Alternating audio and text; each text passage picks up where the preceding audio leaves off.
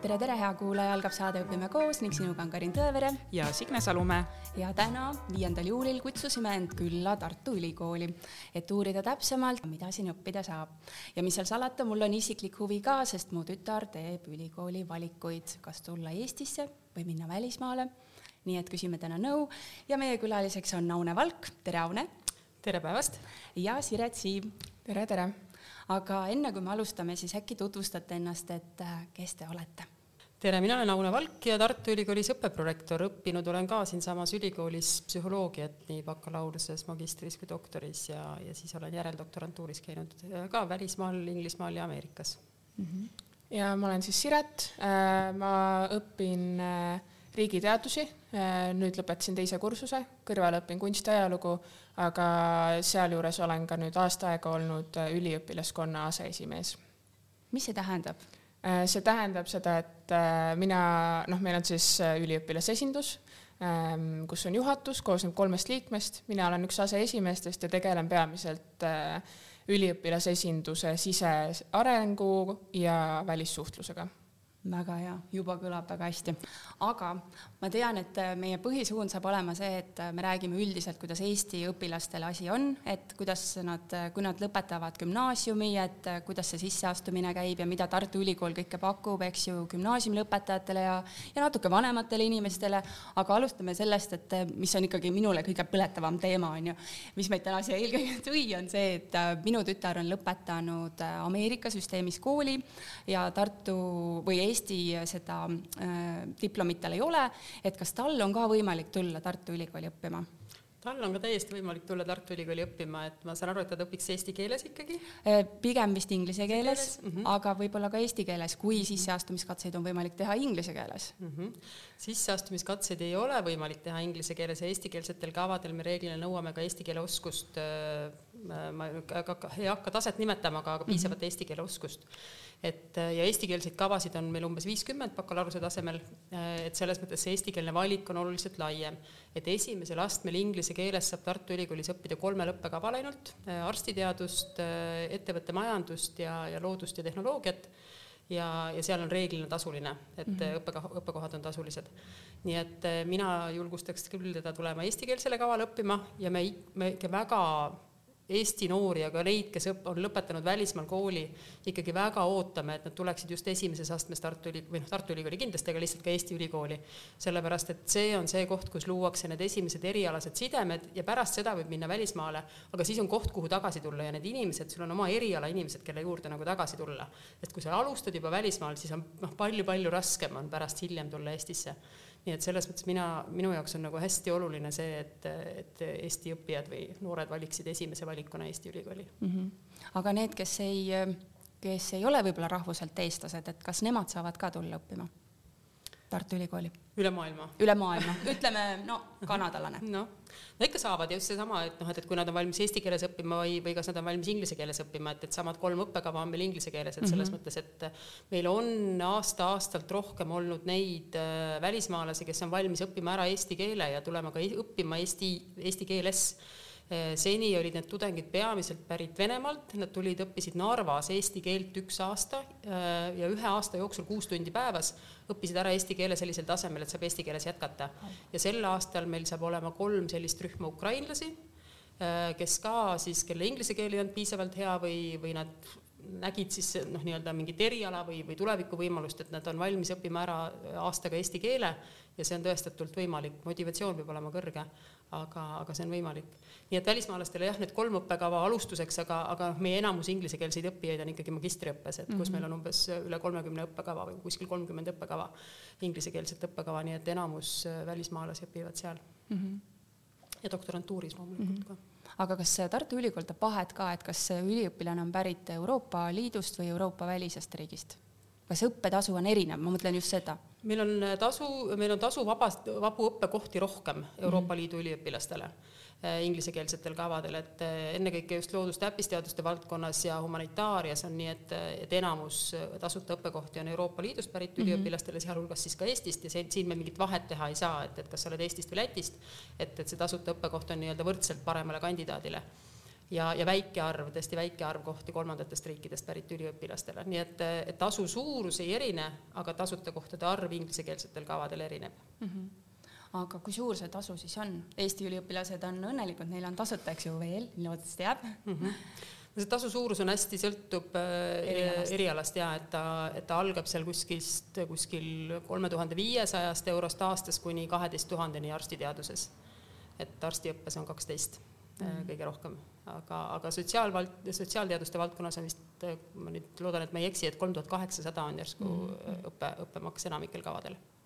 Nonii aga millal peaks siis ütleme, Karini tütar siin hakkama mõtlema selle peale, et tutvuma võib-olla nende õppekavadega ja et kui ta tahab siis ülikooli astuda, et tal on veel üks aasta jäänud äh, gümnaasiumis. jah Äh, siin on ka erinevused, et inglisekeelsetel kavadel meil lõpeb vastuvõtt varem, sellepärast et, et me võtame konkursi alusel ja kuna kolmandatest riikidest pärit, kolmandatest ehk Euroopa Liidu välistest riikidest pärit üliõpilased peavad taotlema viisat, et siis on nende jaoks hästi oluline, et see otsus oleks võimalikult vara selge ja seetõttu äh, inglisekeelsetel kavadel meil vastuvõtt lõpeb äh, magistriõppes poolest märtsist ja bakalaureuseõppes poolest aprillist mis tähendab seda, et kui ta tuleb bakalaureuseõppesse inglisekeelsele kavale või esimesse astmesse õppima inglisekeelsele kavale, siis ta peaks nagu viieteistkümnendaks aprilliks hiljemalt oma dokumendid esitama.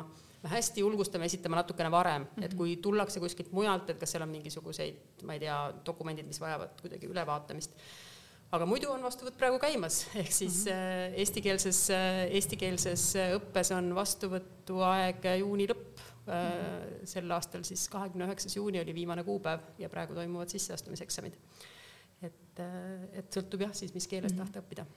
jah, ja selles suhtes ka, et ma hakkasin ikkagi ise kaheteistkümnendas klassis juba vaatama äh, puhtalt nagu selle põhjal, et äh, noh, kuna ma hakkasin riigieksameid tegema, et siis need erialad, mis mind huvitavad, siis kui palju mingit riigieksamit vaadatakse, kuhu ma pean rohkem rõhku panema, mida ma pean rohkem nagu ise õppima või kus pingutama, et, et see aitab ka nagu kaasa, mitte niimoodi, et mul on juba gümnaasiumi lõputunnistus käes ja siis eh, noh, võib-olla mingi eksam ei läinud hästi, aga nüüd mul on väga selle tulemust vaja. Mm. -hmm jah, ja noh, meil siin muutsime just sel aastal arstiteaduskonda sisseastumiseks, sisseastumistingimusi, et varem sai riigieksamitega, et sel aastal on vaja teha ka füüsika-keemia eksam ja siis on ka veel vestlus ja tuleb teha akadeemiline test.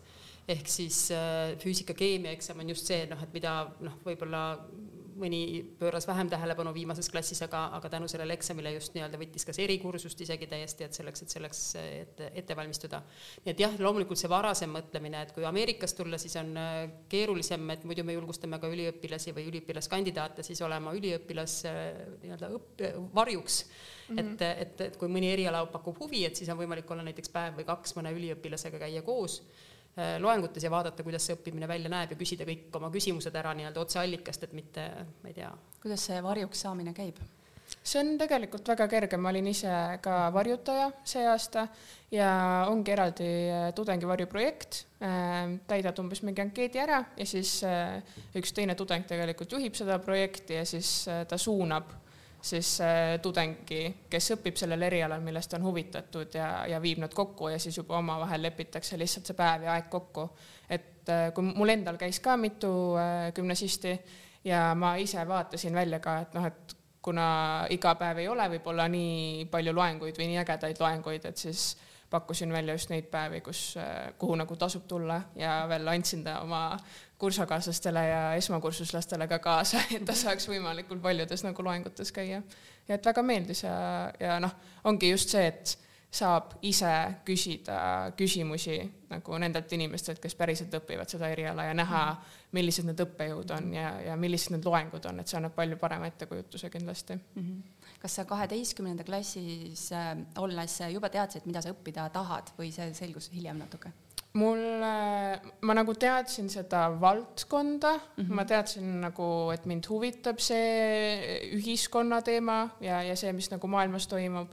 Äh, samas tõmbas kunsti poole ja siis ma alguses vaatasin üldse Hollandi ülikoole, kus nagu osades kohtades sai mõlemat kombineerida aga siis üks põhjus, miks ma nagu võib-olla jõudsin Tartusse, oli see, et ma vaatasin, kui palju dokumente ma pean esitama, et välismaale ülikooli minna ja siis mul lihtsalt motivatsioon läks täiesti nulli ja ma sain aru, et võib-olla see ei ole nagu see koht, kuhu ma siis nii väga päriselt tahan minna. ja, ja Tartus käis see kõik nii nagu kergelt, umbes kaks klõpsu ja tehtud ja siis see nagu tundus õige. Ja tegi, tegid hea valiku. ma arvan, et see, see on tegelikult üks meie peamisi argumente ka võrreldes teiste Eesti ülikoolidega, noh, ma ei tea, niisugusest kvali-, kvaliteedi argumendi kõrval on, on ikkagi see, et, et Tartusse saad erinevaid erialasid kombineerida. et see, et, et sa ei pea nii-öelda mõtlema, et noh, et ma tahan õppida, ma ei tea, semiootikat, aga tegelikult võiks midagi praktilist, ma ei tea, IT-d või majandust sinna kõrvale ka võtta. et sa saad tegelikult võtta kõrvalerialana või, või, või, või, või ka lihtsalt vabaainetena tegelikult mm. nagu väga laias diapasoonis. et see on noorte noortele üks hästi oluline argument, et sa pane ennast nagu lukku, et sa lähed ühte asja õppima. Mhm. ja, ja tegelikult äh, noh, ongi see kõrvaleriala tähendab siis seda, et see on nagu üks kolmandik minu kraadist, mis on ikkagi üllatavalt suur ja kui ma tahan edasi magistrisse minna, siis kuna mul on nagu see kuuskümmend EAP-d ehk siis ainepunkti tehtud oma kõrvalerialas, siis ma tegelikult saaksin minna otse kunstiajaloo magistrisse kandideerida ka et see annab selle võimaluse ka juurde. et nad on nii-öelda võrdse kaaluga sisuliselt, kui sa tahad magistrisse no, edasi ta, minna? ta on üks kolmandik sellest mm, -hmm. aga noh, see tingimus on ju, et magistrisse mhm. minekuks mm -hmm. teisel erialal mm -hmm. peab olema nagu kuuskümmend mm -hmm. EAP-d tehtud mm, -hmm. et see on nagu väga hea, et laiendab minu nagu enda võimalusi ka pluss äh, noh, riigiteadused on see eriala, kus võetakse hästi palju kõrvalerialasid ja, ja ma näengi, kuidas inimesed minu ümber võtavad näiteks psühholoogiat või majandust või ajakirjandust ja kommunikatsiooni, IT-d et see on nagu väga äge vaadata, kui nagu erinevaks tegelikult meie kõigi haridustee kujuneb, kuigi me õpime sama eriala ja, ja see, et sa saad panna lisafookust sinna, mis äh, sind päriselt noh, veel huvitab lisaks sellele ma tahtsin selle eelmise jutu, sisseastumise jutu juurde rääkida ühe võimaluse veel, eriti nendele noortele võib-olla sobilik, kes tulevad välismaalt ja kes ei ole teinud Eesti riigieksameid. kuigi riigieksameid me asendame selles mõttes, et riigieksamid ei saa takistuseks, et kui tullakse kuskilt teisest, teisest riigist, et siis me, meil on nii-öelda süsteem võrdlemaks võrdlemaks neid eh, eksamipalle aga, aga mis ma tahtsin öelda, on see, et, et akadeemiline test on, on, on see, et, et kui seda teha teatud tulemusele ära, et siis äh, kuskil nelisada noort äh, saab igal aastal sisse nii-öelda sisuliselt kõikidele erialadele, üksikud välja arvatud, äh, saab, saab selle väga hea akadeemilise testi tulemusega ja, ja seda noh, kuna see, seal on nii-öelda keelel on osatähtsus väiksem, et loogilisel mõtlemisel, matemaatikal, et, et siis see sobib, ma arvan, ka nendele, kes eesti keelt oskavad, aga kelle eesti keel ei ole võib-olla, ma ei tea, nii perfektne, et mm, -hmm. et ise pikki tekste väga voolavalt kirjutada mm. -hmm et, et see on ka täiendav võimalus, et seda me teeme märtsis-aprillis tavaliselt siis nii-öelda kevadel ette, et siis on see kindlustunne ka juba olemas, et, et ma saan sisse mm. -hmm no aga need Eesti noored, kes lõpetavad gümnaasiumi, et äh, kas Tartu Ülikooli lehelt võib leida sellise asja, et mingi karjääritest, et nagu, et milline eriala ikka sulle oleks või, või see noor peabki lihtsalt võtma ülikooli kodulehe ette hakkama, nagu sa ütlesid, Siret, et lihtsalt eriala kaupa lugema, et äh, mis nagu kõnetab? meil oli pikka aega selline karjääritest ja meie karjäärinõustajad palusid selle maha võtta, et, et noored võtsid seda natuke liiga tõsiselt okay. ja et, et selline noh, et, et ütleme niimoodi, et kui me tahame teaduslikult läheneda, et siis sellised väga lühi-, lühikesed ja lihtsad karjääritestid on tegelikult noh, ütleme, et ei tööta hästi ja, ja, ja nad vajaksid ikkagi nagu nõustamist või professionaalset -hmm. nõu sinna juurde, et mitte see, et, et ma teen veebis testi ära ja selle järgi valin eriala ja siis noh, mingis mõttes me oleme nagu vastutavad selle eriala valiku eest. et jah, ütleme nii, et turunduslikult on meile soovitatud sellist testi omada, aga, aga me, me täiesti teadlikult selle võtsime maha, et, et meie karjäärinõustajad on valmis pigem nõu andma mm. -hmm. et me ei tahaks jah, et noored sellise lihtsa noh, võib-olla saaks välja sorteerida võib-olla mingid valdkonnad, et mis kindlasti ei sobi, aga ma kujutan ette, et noor seda teab juba ise ka, et, et mida ta kindlasti ei taha, et, et sageli see valik vist tehakse ka mingis mõttes välistamise meetodil mm, -hmm. et mhm. et noh, pooled asjad ei sobi üldse ja siis nende teiste poolte hulgast hakkad valima mm. -hmm. no nagu Siret ennem siin mul... uste taga ütles, et äh, Tallinn oli välistatud, sest mm -hmm. kodu on Tallinnas on ju, et tahaks üliõpilaselust osa, osa saada. teine kriteerium oli veel see, et äh, kuna mulle gümnaasiumis absoluutselt ei meeldinud füüsika, siis kõik erialad, kus oli mingi füüsikakursus, kursus sees, ma automaatselt mõtlesin, et mina seda õppima ei lähe. et see välistamismeetod mhm. töötab päris hästi teinekord jah, ja siis see võib-olla leiab nagu need valikud ka, mis pakuvad huvi ja millesse siis tasub rohkem süvenema hakata, sest et noh, see eriala nimetus võib olla nagu noh, riigiteadused ju tegelikult on nii üldine ja väga palju inimesi ei tea, mida see tähendab. mult on küsitud, kas ma õpin juurat. ei, ma ei õpi juurat. noh, pigem on see selline politoloogia suund. Äh, ja aga lisaks ka sellele erialade väga paljudel äh, erialal saab võtta eraldi peaeriala siis, mis äh, juba ka nagu selline noh, väiksem suunitlus on ju, et mina võtsin rahvusvahelised suhted, mis ütleb juba palju rohkem kui lihtsalt riigiteadused et, et äh, tihti tasub ka lihtsalt sellest eriala nimetusest natuke edasi vaadata ja vaadata, millest see õppekava päriselt koosneb mm. -hmm aga kas Tartu õpikeskkonnana, kui rääkida sellest, et miks üldse Tartusse tulla õppima, siis ongi see, et, et, et tõesti nii-öelda nagu te enne ütlesite kuulujutuna, et Tartu on maailma parim ülikool, et ma arvan, et see on väga hea kuulujutt, aga noh, Eestis on ta ja meie selle aasta, eks ole, vastuvõtu märksõna oligi, et teie lähim maailma tippülikool et, et see kvaliteet, teine on see erialade valik, millest me rääkisime ja kolmas on noh, minule endale tundub ja ma olen ka tulnud Tallinnast Tartusse õppima, on ikkagi Tartu nagu elu- ja õpikeskkonnana, et see ülikoolilinna õhustik on ikkagi see, mida tasub nagu elus kogeda, isegi kui siia mitte, kui, kui ei jää, et nii et ma arvan, et see Tallinnast Tartusse tulek, et sul on ka see kogemus nagu värskelt olemas, et õigustas ennast. jaa, täiesti, nagu nii palju, kui ma olen rääkinud äh, oma vanade klassikaaslastega, kes jäid äh, Tallinnasse siis see nagu tudengielu, mis siin Tartus toimub, seda ikka kuskilt mujalt Eestist ei saa, nagu nii palju erinevaid erialaseltse, nii palju erinevaid eh, noh, tudengiorganisatsioone nagu kogu aeg on midagi Tartus teha, kui sa oled tudeng. Ja, ja kõik nagu teavad üksteist ja kõik on seotud ja tegelikult ka see, see võrgustik, mis siin tekib, on ikka väga-väga suur minu võib-olla selline soovitus on, et mina olen ise tartlane ja jäin Tartu Ülikooli, et mina sellist ühikaelu ei, ei saanud tunda, aga ma astusingi siis üliõpilasesindusse ja seal kaasa lüües siis saad nagu seda üliõpilaselu. ja mingis organisatsioonis, kas erialaorganisatsioonis või korporatsioonis või, või noh, ma ei tea, tantsu või laulu või mingis muus, eks ole, nii-öelda ringis, et noh, et kuskil tuleb mm -hmm. osaleda. tegelikult ka see kogu see noh, korporatsioonide teema ja siis akadeemiline maastik, noh, ma ise ei ole organiseerinud realiseerunud, aga noh, seda ma olen ka aru saanud, et ikka nagu nii suurel määral seda Tallinnast ka ei leia. Ja ikkagi need inimesed, kes on korporatsioonides, nad äh, teavad väga palju inimesi, kes on ka teistes korporatsioonides. Ja siis tekib ka, neil on täiesti selline omamoodi võrgustik ja, ja tavaliselt leitakse ka sealt need inimesed, kes jäävad väga lähedaseks, sest lihtsalt nendega see kokkupuude on nii suur. sest noh, mul olid esimesel äh, ülikooli sügisel, ma arvan, mul oli umbes kuus loengut nädalas, mis äh, tähendab, et ma oma nagu kursusekaaslasi, noh, kui ma näeks neid ainult loengus, siis ma tegelikult väga palju inimestega kokku ei puutuks ja siis see, et ma läksingi Riigiteaduste Seltsi ja, ja olin nagu muidu aktiivne ja et meil olid väga ägedad tuutorid, kes korraldasid üritusi, et paremini sisse elada, siis see kõik andis nii palju juurde ma küsikski siia vahepeale selle üliõpilasesinduse kohta veel, et, et äge on see, et me istumegi siin praegu väga uhkes kabinetis ja õppeprojektor ja, ja tudeng on ju siin kõrvuti, räägivad sina ja mõnusalt niimoodi mikrofoni, et kui mina üliõpilasesinduses olin, siis ma mäletan, et äh, alati oli ikka see teemaks, et kuidas saaks nagu seda koostööd paremaks teha, et, et üliõpilasesindus ja ja, ja siis rektoraat näiteks, et, et kuidas see praegu on, et kas on see teemaks, mulle noh, niimoodi vaadates tundub, et siin käib nagu imeline jah, imeline koostöö, et siin tuli välja, et on ju kelle koer on kelle koera laps ja nii edasi, et et, et kuidas praegu on, et kui palju saab siis tudeng mõjutada võib-olla ülikooli no. elu siis, kui palju kuulatakse üliõpilasi äh,? ma arvan, esiteks on oluline see, et siis, kui sina olid üliõpilasesinduses, siis see formaat oli täiesti teistsugune, sest meil ei olnud ju niimoodi neid valdkondi ja, ja nüüd äh, üliõpilasesindus on äh, oma suuruselt palju kasvanud mm. -hmm. kõigis äh, instituudi ja valdkonna nõukogudes on äh, üliõpilasesindajaid kakskümmend protsenti, mhm. mis tähendab seda, et meil on umbes sada kolmkümmend kuni sada viiskümmend esindajat iga aasta, oleneb, kui mitu inimest samal positsioonil on.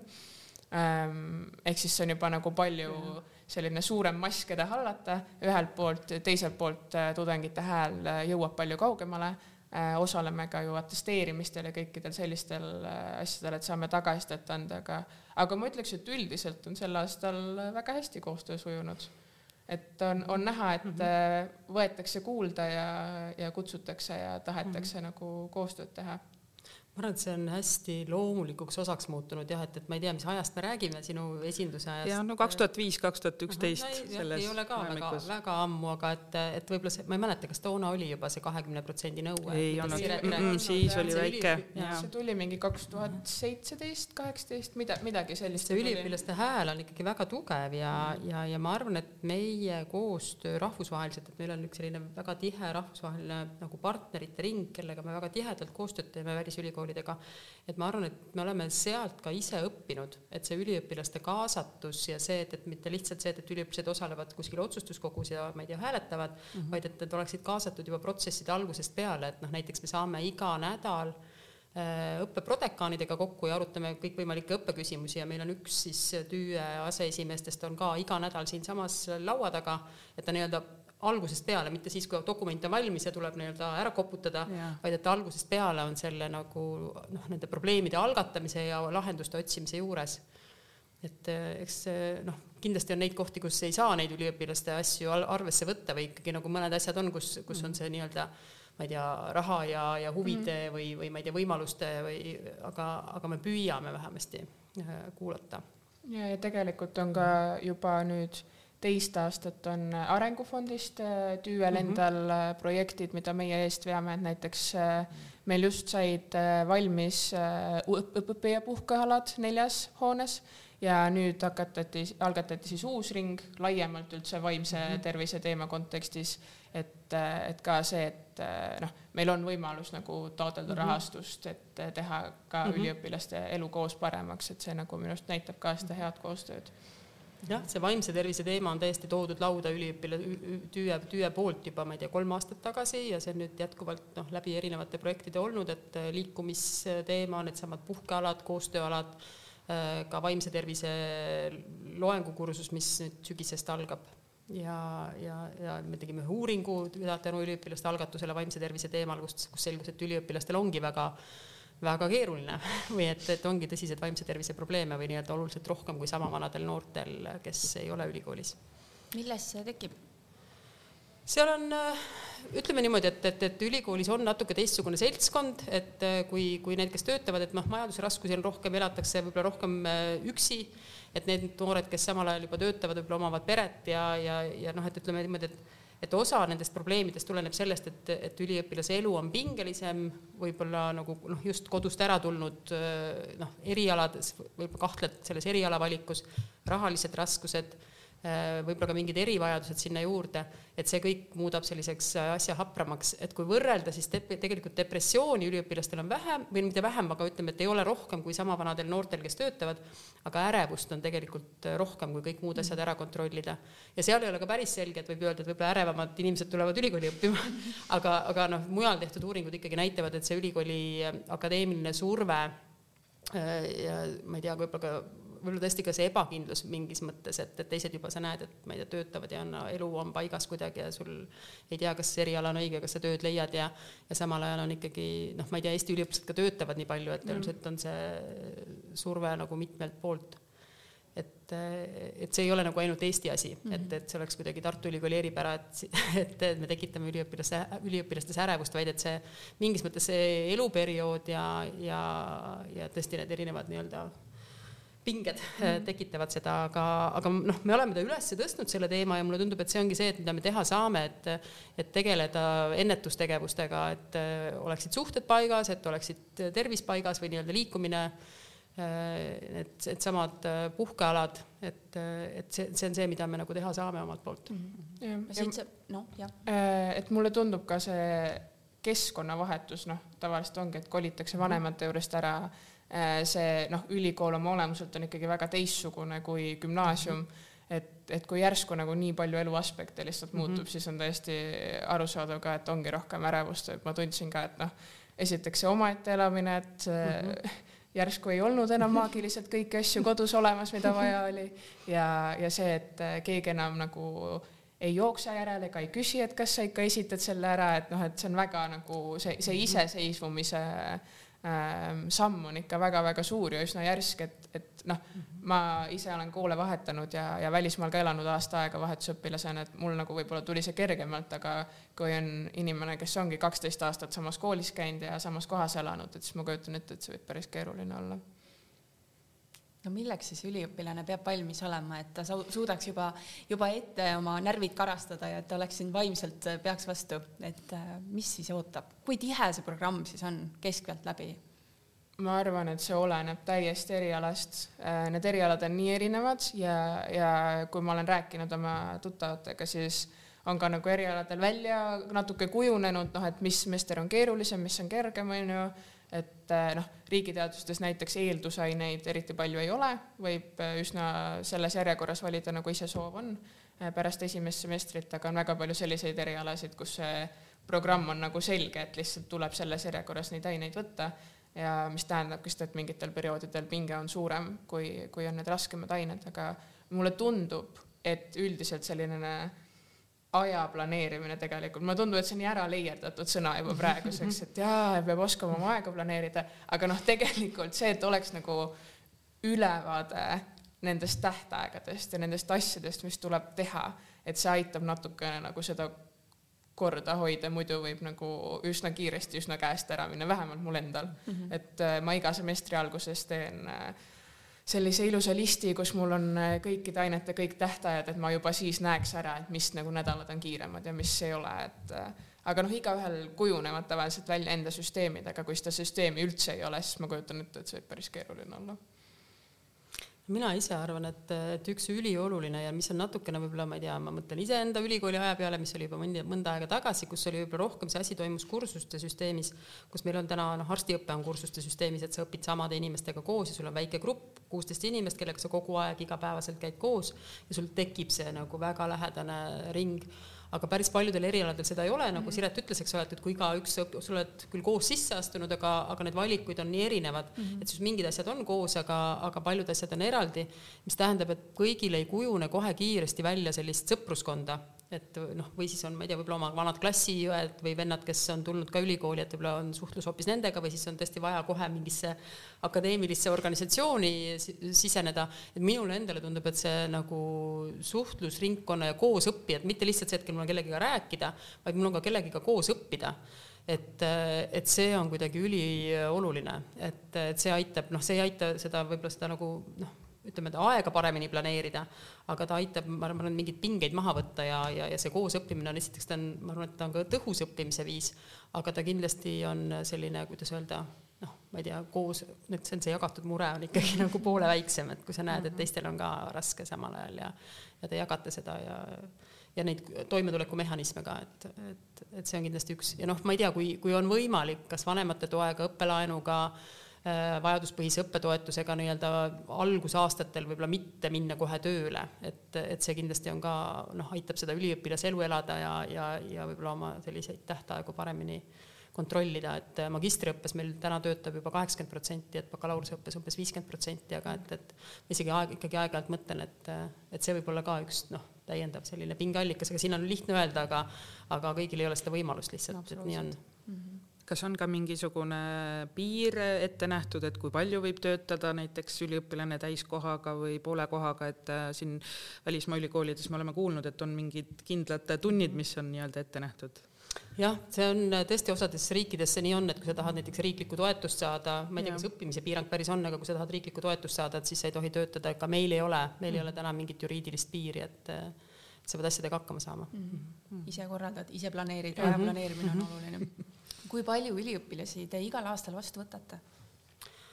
kuskil neli tuhat kolmsada, neli tuhat nelisada, et äh, umbes sellises suurusjärgus, et kuskil kaks tuhat viissada, kaks tuhat viissada esimesse astmesse, siis bakalaureuseõppesse, rakenduskõrgharidusse, kuskil tuhat viissada magistriõppesse ja kuskil siis noh, tegelikult jah, natukene rohkem siis äh, jah, üle tuhande viiesaja magistriõppesse ja, ja kuskil kakssada doktoriõppesse. on see piisav või on see liiga suur arv või? Kui me vaatame seda kõrghariduse vajadust, mis Eestis on ja, ja mis on ka arengukavades sihiks seatud, siis me tegelikult peaksime võtma rohkem. et paaril viimasel aastal on meil ka kandidaatide arv, kahel viimasel aastal on niimoodi kandidaatide arv kümme protsenti kasvanud, meie vastuvõtu arv on jäänud samaks.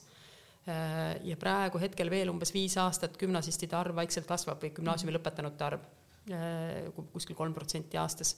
et me praegu tegelikult peaksime vastuvõtuarve suurendama, arvestades riiklikke nii-öelda eesmärke, ma ei tea, OSKA raportid, mis äh, prognoosivad Eesti tööturu vajadust ja ka gümnasistide lõpetamist vaadates, aga tänane rahastusmudel seda mitte kuidagi ei toeta, nii et, mhm. et see, et, et meie ei ole vähendanud vastuvõttu, on lihtsalt see, et me hambad ristis hoiame kinni sellest, et, et me näeme, et noh, et ma ei tea, öeldakse, et arste on vaja, õpetajaid on vaja ma ei tea, insenere on vaja, robootikat on vaja, IT-d on vaja, et noh, et, et me, me lihtsalt nagu ei ole võimalust neid minna vähendama ja siis on mõned väiksed erialad, ma ei tea, klassikaline filoloogia või geoloogia või geograafia, kus on noh, võib-olla ongi kümme õppekohta või, või, või ka võib-olla nagu ma ei tea, seitse-kaheksa õppekohta, et siis sealt nagu see kaks õppekohta kokku hoida ei ole, ei ole see kindlasti see kokkuhoiukoht, et et täna jah, me, me ei ole läinud praegu veel vähendama, mida siin Tallinna Ülikool, eks ole, selle aasta vastuvõtuga tegi ja me loodame, et see kõrghariduse rahastuse mure saab lahendatud mm. -hmm no kas see, no ma tean, see on selline leierdatud teema, aga jällegi meil oli äh, Hollandis tegime saateid Amsterdami ülikooli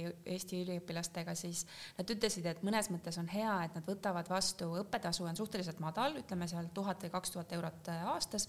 kõik saavad sisse, kes tahavad ja siis aasta jooksul näed ära, et kas see on päriselt sinu asi või ei ole mm. -hmm. et võib-olla see aitaks nagu seda pehmendaks mingit maandumist õppijate jaoks ja võib-olla lõpuks selekteerib välja need tõelised teadlased, kas see on hea lähenemine või pigem ei ole Eesti ei ole seda mhm. kaalunud mm -hmm. minu teada kunagi sellist varianti, et võtame kõik vastu, kes tahavad, noh mm -hmm., mitte lõputult muidugi mm, -hmm. aga ikkagi.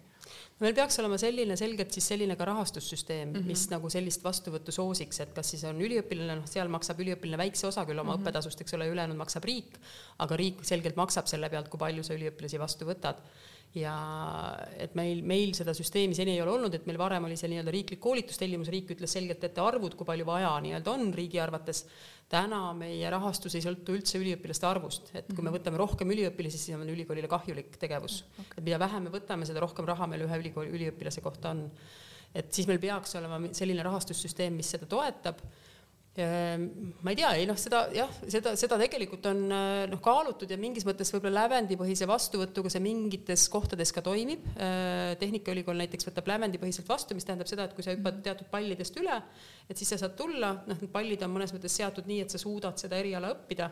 et noh, mingis mõttes ta nagu on selline vastuvõtt teisalt äh, jah, see tähendab äh, seda, et, et ma tean, et ka Hollandi ülikoolides, kus äh, ongi see, et, et noh, meil, meist võib-olla kaks korda suurem ülikool võtab seitsesada psühholoogiatudengit vastu, sellepärast et kõik, kes saavad, kõik, kes tahavad, siis saavad seda psühholoogiat õppida ja, ja noh, nemad väga ei muretse selle pärast, et kas neil seda seitsesadat psühholoogi pärast vaja on või tõenäoliselt neist ei saa no, ka psühholoogid. kukuvad nagunii välja mm -hmm. juba seal esimesel mm -hmm. aastal, eks ju, et, et see. aga jah, et mõnes mõttes valikute mõttes, et, et noh, meil on praegu, eks ole, liikumine hetkel vastupidises suunas, et ma ei tea, meil praegu hetkel valitsust pole või, või, või noh, on, on valitsus, aga, aga tõenäoliselt ta nende teemadega ei tegele, et, et, et iseenesest on ju eelnõu, mis, mis ütleb seda, et, et peaks hoopis kiiremini nii-öelda oma sellisest erialavaliku, õigest või valest erialavaliku valikust aru saama, et et äh, ma ei tea, ei seda võiks kaaluda, aga see oleks selles mõttes, seda ei saa teha kindlasti üks ülikool, et see on selline riiklik, riiklik lähenemine. just mm, -hmm. ja ma tahtsingi jõuda sinna, et äh, noh, see varjupool selle juures oli see, et äh, noh, seda Amsterdami ülikooli tegelikult ei huvita see, mis saab üliõpilasest, mhm. et üliõpilane on lihtsalt üks number, et kui teie võtate vastu siin neli tuhat, mhm. et noh, kas tunnete kõiki õpilasi ja kas te muretsete selle pärast, et mõnel üliõpilasel on kuidagi raske periood või et noh, ongi mm -hmm. keeruline, et kas te aitate takka nii-öelda nagu gümnaasiumis, et noh, hea küll, aitame läbi mm. -hmm noh, ega me tegelikult äh, noh, natukene on see ülikool selles mõttes muidugi oluliselt karmim koht, et kui, kui gümnaasium, et noh, mingis mõttes gümna-, noh, see on gümnaasiumis tõesti nii, nagu Siret ütles, et keegi sul klassi, mhm. klassijuhataja käib ja vaatab, et miks sa puudusid ja mm, -hmm. ja ka noh, ülikoolis on see, et, et sa võid nagu loengut, loengust puududa, loengus käimine ei ole kohustuslik, kui sa praktikumid, seminarid, kodused tööd ära teed et äh, iseseisvat tööd, et siis on, siis on hästi. Ja noh, lõpuks tegelikult äh, selgus saabub ikkagi semestri lõpus, kui on eksamite periood. et, äh, et ses mõttes, kui sa nagu kaks kuud, ma ei tea, lulli lööd, siis võib juhtuda niimoodi, et mitte keegi nagu ei, ei sekkugi sellesse. et mida me oleme teinud viimasel aastal, nüüd me saime paar kuud tagasi, kolm-neli kuud tagasi saime valmis sellise asja nagu õpianalüütika katkestamise vähendamiseks, mis peaks just märkama nagu hädas olevat üliõpilast ja ennetama seda katkestamist et õpitulemuste pealt, ainetele registreerumise pealt noh, nii-öelda läheb lambike põlema ja, ja, ja siis programmijuht või õppekorralduse spetsialist pöördub üliõpilase poole ja küsib, et, et mis toimub ja kuidas tal läheb ja miks, mis mure on aga, ja noh, nõustajate süsteem on olemas, et kui üliõpilane ise vajab nii-öelda abi või tuge, et olgu siis psühholoogilist või õppenõustamist, aga aga ma arvan, et eks see jah, et, et ma usun, et meil on parem, kuna üliõpilasi on vähem ja nad on ikkagi nii-öelda valitud Äh, kui, kui sellises süsteemis, kus, kus kõik võetakse vastu. Aga kui ma võrdlen neid, neid näiteks brittidega, kus on üliõpilased maksavad ja iga pea on arvel, ma ei taha öelda, et ainult puhtalt maksmise pärast, aga kindlasti nagu see nii-öelda üliõpilane noh, on mingis mõttes nagu saab teenust ja maksab selle ise kinni, siis, siis, siis see, see samm, kuhu meil on veel minna nii-öelda, et, et kui palju üliõpilaste eest hoolitseda, et siis ma näen ka seda, et, et meil on ikkagi kõvasti arenemisruumi mm. -hmm. aga noh, ma ei ole kindel, et me tahame sinna liikuda, et noh, meil on ka mingis mõttes on ikkagi see, et, et et meie noored on ka palju iseseisvamad kui paljudes riikides juba varem ja, ja noh, hakata siin ülikoolis nagu kätt hoidma, et ühel hetkel tuleb sellest käest ikkagi lahti lasta, et siis tekib tööandjatel, et kui ülikoolis on kogu aeg kätt hoitud, siis tekib võib-olla tööandjatel ootus, et aga kas nemad siis hoiavad kätt, kui inimene ei taha hommikul tööle tulla, et kas siis keegi, keegi nagu, et ma ei tea jah, et, et ma usun, et me oleme praegu sellises kultuuri ja nagu meie vastuvõtusüsteemis üsna õige koha peal, natuke võib-olla sellist sekkum-, sekkumist ja hoolimist ja nõustamist võiks olla rohkem et äh, ja, ja natukene meie katkestamise arvud meie enda arvates on veel liiga suured mm, -hmm. et neid võiks tegelikult allapoole tuua. et ja, ja kõik ei ole alati see, et, et üliõpilasele see eriala ei sobi, et sellepärast ta läheb ise ära.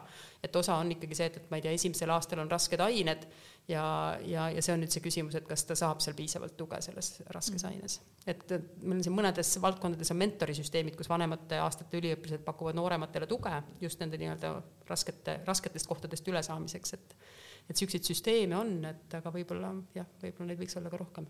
aga igavesi üliõpilasi on jäänud vähemaks nüüd siis või? tänane süsteem ei luba neid eriti hästi, et mm -hmm. on võimalik võtta akadeemilist puhkust üks kord omal soovil, ülejäänud peavad olema siis kuidagi põhjendatud kaitseväe või tervis, tervisega ja, ja üks aasta on võimalik saada pikendust, aga, aga ütleme niimoodi, et tegelikult kui sul jäävad puuduvad ainepunktid nii-öelda tegemata, siis hakkad enda eest maksma, kui sa teed vähem, kui on nõutud. nii et ega see igavene üliõpilane ei ole selline odav lõbu, odav lõbu ja, ja, ja, ja, ja lõputult kaua seda tänases süsteemis ikkagi ei saa endale lubada. ma mäletan, et mina nii tahtsin jääda igaveseks üliõpilaseks, sest mulle lihtsalt nii meeldis käia Tartu Ülikoolis, ma ei tahtnud ära lõpetada. aga õppides klassiõpetaja erialal, siis mina küll tundsin seda toetust, et noh, esiteks meil oli lihtsalt nii palju vähem tudengeid tudengeid, et äh, minu kursusele toona tuli vist kaksteist äh, tudengit ja, ja kui me siis veel jagunesime seal lisaerialade vahel, siis äh, näiteks oli loeng, kus ma olin kolmekesti saksa keele erialal ja, ja vot siis oli küll, et ei olnud nagu ime, kui mhm. said ka õppejõult kõne, et miks sind täna kohal ei ole, on ju, sest kui noh, kolm tudengit ainult peab olema ja kedagi ei ole, et et võib-olla see sõltub ka erialast, on ju, et kus on nagu massiliselt või noh, sadades, et seal ongi seda, sa pead ise rohkem ikka. no aga läheme siis natuke, küsime selle õpetajahariduse kohta ka, et noh, see on selline terav ikkagi pro probleem kogu aeg, et mina olin see üliõpilane, kes lõpetas Tartu õpetajate seminari, enamik, mitte enamik, no ütleme, veerand võttis akadeemilise, et lõpetada, siis järgneval aastal oli võimalik lõpetada juba Tartu Ülikooli diplomiga see õpetajahariduse aga mina ei julgenud akadeemilist võtta, sest noh, mul olid konservatiivsed vanemad, et noh, ei ole midagi, et selleks aastaks oled abielus, siis on lapsed ja nii edasi, kõik käis nagu joon mööda. et äh, kuidas õpetajaharidusega on, et praegu ma just Signet kuul-, kuulsin, et Tartus avati uus maja ja Tartus avati uus maja, väga äge maja, ma arvan, et siin meil oli, varem oli meil, rääkisime delta standardist, kui avati delta maja mm, -hmm. mis ongi üks väga äge õppehoone Emajõe kaldal, aga et tõesti selle, selle aasta ta, selle aasta talvel ikkagi ju yeah. ja veebruaris avati siinsamas peahoone kõrval jah, haridusteaduste uus maja, et mis on tõesti väga kihvt maja, niisugune vana ja uue kombinatsioon. ja noh, õpetaja, õpetajakoolitusega selles mõttes on toimunud mingi uskumatu hüpe ikkagi, et, et kui me veel viis aastat tagasi muretsesime selle pärast, et õpetajaks ei tahetud õppima tulla, et õpetajakoolitus oli üks madalama konkursiga nii-öelda valdkondi, siis täna on peale tervisevaldkonna, on õpetajakoolitus oli eelmisel aastal meil kõige kõrgema konkursiga valdkond ja kõik õpetajakoolituse erialad, mida meil on umbes kakskümmend, äh, välja arvatud üks, mis oli eesti keele õpetaja, äh, said täidetud, et ei jäänud vabu kohti, et ei olnud seda teemat, et ei taheta õpetajaks saada, aga aga jah, aga neid, üks mure on meil see muidugi, et kõik, kes, hästi paljud, kes õpivad õpetajaks, on juba töötavad, et meil nagu kooli uusi inimesi, me lahendame seda probleemi, et koolides on ilma kvalifikatsioonita õpetajad Äh, et me lahendame osaliselt seda, et, et vähemasti pooled õpetajakoolituse tudengid tegelikult juba töötavad ja, ja teine on siis see, et, et, et nad kas lähevad kooli peale lõpetamist, aga peale viit aastat on ikkagi umbes pooled sealt kadunud, mis tähendab seda, et, et see on nagu see küsimus, et me ei saa seda õpetaja probleemi, mis on ühiskonnas väga teravalt üleval, lahendada ainult lihtsalt sellega, et me suurendame õpetajakoolituse kohti mm, -hmm. mis on küll täna meil üks selline riigi poolt antud ülesanne halduslepingus, mida meil ei ole, nii et, et selle taga et see on ootus, riigil selge ootus, et me õpetajakoolituse vastuvõtuga kasvataksime, aga, aga see on jah, üks nendest asjadest, mis täna on siis mm -hmm. sõlmimata halduslepingu taga mm. -hmm. nojah, ja see on ju näitaja, et kui viis aastat tööl olda, olles, et nüüd panen pillid kotti ja teen mingi teise erialavaliku, et siis ma saan aru, te ise ka eh, no meil oli lihtsalt selles mõttes sul on lapsed ja minul on abikaasa mhm. töö, et, mhm. et mhm. jah. aga räägime õppejõududest ka, et kes on Tartu Ülikoolis õppejõud, et kas nad on valdavalt ikkagi eestlased või nad on välismaalt tulnud või, või milli-, mismoodi õpetatakse nüüd tänapäeval siis ülikoolis, on midagi muutunud? Mina ütleks, et hästi palju on muut- või hästi palju on muutunud, mul on selles mõttes nagu lihtsam võib-olla rääkida kui Siretile, et sa ei tea, kuidas kakskümmend aastat tagasi oli, aga et õppejõududest on äh, ligi kaheksakümmend, üle kaheksakümne protsendi tähendab, et ma tahtsin öelda, et ligi kakskümmend protsenti on välismaalased ja üle kaheksakümne on siis eestlased. et õppeakadeemilise personali hulgas, nad ei ole kõik otseselt igapäevaselt õppejõud, et pigem on seal jah, meil on nii-öelda akadeemiline personal, personal, mille seas on siis nii teadlased kui õppejõud. Äh, enamus nendest teeb mõlemat, äh, nii teadust kui õpet on väike hulk, kes valdavalt õpetavad, ennekõike keeleõpetajad ja sellised nii-öelda ongi õpetaja nime all võib-olla ka assistendid meditsiinivaldkonnas. ja, ja siis on mõned, kes teevad nagu ikkagi üheksakümmend protsenti teadust ja seal on välismaalasi kindlasti rohkem. nii et ma arvan, et õppejõudude hulgas need, kes valdavalt õpetavad, on võib-olla ikkagi niisugune üheksakümmend, üheksakümmend viis protsenti eestlased. on valdkondi, kus on äh, välismaalasi väga palju, näiteks IT ongi selline, kus on väga keeruline leida doktorikraadiga eestlastest õppejõude lihtsalt see valdkond on nii kiiresti arenenud ja need kasvunumbrid on olnud nii suured, et, et, et, et, et, et, et doktori, doktorantuur ei tule järgi ja, ja Eesti noortel ei ole ka väga suurt huvi IT-s doktorantuuri minna, sest et mhm. erasektor on lihtsalt nii ahvatlev. et muid võimalusi on nii palju.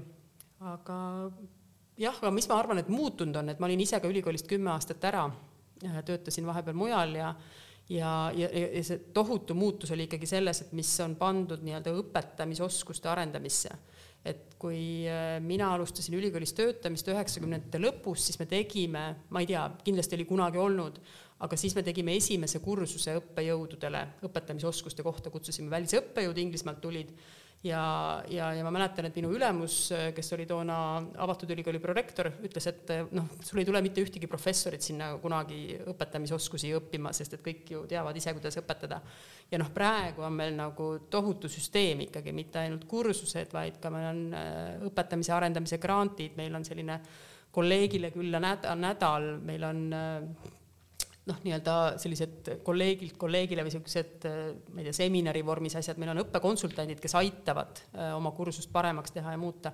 et meil on nagu terve süsteem kõigile õppejõududele, kes vähegi tahavad midagi parandada, et ma arvan, et see õpetamine kui õpetamisoskused, erinevad meetodid ja õpetamine kui selline kunst mm -hmm. või teadus äh, on, on ikkagi väga selgelt üleval teisalt on jälle üliõpilased muutuvad palju kriitilisemaks, et mulle endale tundub, et, et see valdkond on nagu nii palju arenenud, aga kui sa tõstad nagu selle esile ja ütled, et seda saabki paremini teha, siis ka see üliõpilaste tagasiside ja see noh, kui ongi mõned õppejõud, kes on väga tublid ja teevad tohutult ka ma ei tea e, e-kursusi ja arendavad ja siis sa näed, et need teised kõrval, kes, kes võib-olla seda kõike ei tee, et, et siis see noh, kriitika on seda teravam, et et, et ses mõttes on ka üliõpilaste kriitika või selline tagasiside ainetele noh, teema kindlasti, mis on nagu muutunud ja oluliseks saanud, et kunagi oli ka selles osas, inimesed olid väga skeptilised, et, et kui me umbes paarkümmend aastat tagasi esimese selline üliõpilaste tagasiside küsimustiku tõime sisse, et siis oli palju neid, kes ütlesid, et aga mida üliõpilased üldse teavad, et, et, et kuidas nemad saavad üldse midagi arvata nojah, sest ma kujutan ette, et äh, üliõpilasel on kindlasti väga huvitav olla sellise õppejõu loengus või seminaris, kes teeb nii teadust kui oskab väga hästi õpetada, aga üldjuhul ma ei tea, võib-olla ma olen mhm. mingi stereotüübis, et kui sa oled väga vinge teadlane, siis sa ei pruugi osata seda ägedalt edasi anda jälle, et see koolitus on nagu üliõpi-, õppejõududele ka ju väga mhm. oluline, et nad oskavad äh, õpetada. no kes on ägedad õppejõud, milline on üks äge õppejõud? No mul, ma isiklikult tunnen, et mulle väga vedanud oma õppejõududega ja nii selles mõttes, et on neid, kes on teinud väga palju teadust, näiteks noh, kunstiajaloos on äh, professor Juhan Maiste on ju noh, väga selline juba heas vanuses mees, äh, kes ütles, et ta isegi ühte kursust ei anna enam järgmisest aastast alates, aga noh, kuulata, kui palju ta on ise õppinud ja teadust teinud ja uurinud ja, ja kuidas ta on nagu käinud mingites äh, antiigikohtades ja see, kuidas ta räägib, et see on juba täiesti minu arust selline omaette elamus, et kui tõesti noh, need, kes on teadust teinud ja, ja kui nad äh, oskavad seda nagu ilusti edasi anda, siis see on juba võlu omaette. Äh, teisalt on ka neid, kes lihtsalt õpetavad väga hästi ja noh kuna mulle ise meeldib organiseeritus, siis kui ma täpselt tean, mida minus mingis aines tahetakse, mis protsent midagi annab, et et äh, mis aegadeks ma pean mingid oma tähtajad tegema, siis ma väga-väga hindan neid õppejõude ka, sest et noh, ikkagi on neid õppejõude ka, kes äh, umbes ütlevad, et tuleb eksam, aga millal või mida seal küsitakse või et äh, noh, et okei okay,, ma pean mingeid maale teadma, aga vaata need kaks raamatut siis läbi, et see on nagu liiga üldine. liiga üldine, et, et minu arust noh, kõik nende õpiväljundite ja nagu kui õppejõud oskab sõnastada, mida ta üliõpilaselt ootab, siis see on üliülioluline ja, ja tegelikult ju aitab üliõpilase arengule kaasa, sest et siis ta -hmm. ka nagu fokusseeritult rohkem õpib midagi, mitte ei ole pealaiali otsas mm. -hmm aga ma arvan, et see on üks hästi selline filosoofiline hästi oluline teadusülikooli seisukohast hästi oluline küsimus on see, et, et teadlased õpetavad, et miks see hea on ja ja seda küsimust küsitakse ka ülikooli sees sageli, et meil on teadlasi, kes kes on tõesti väga head teadlased ja kui nad ei taha väga õpetada ja nad ei noh, ma ei tea, et, et, et neil ei sobi see, eks ole, et, et miks nad siis peavad õpetama.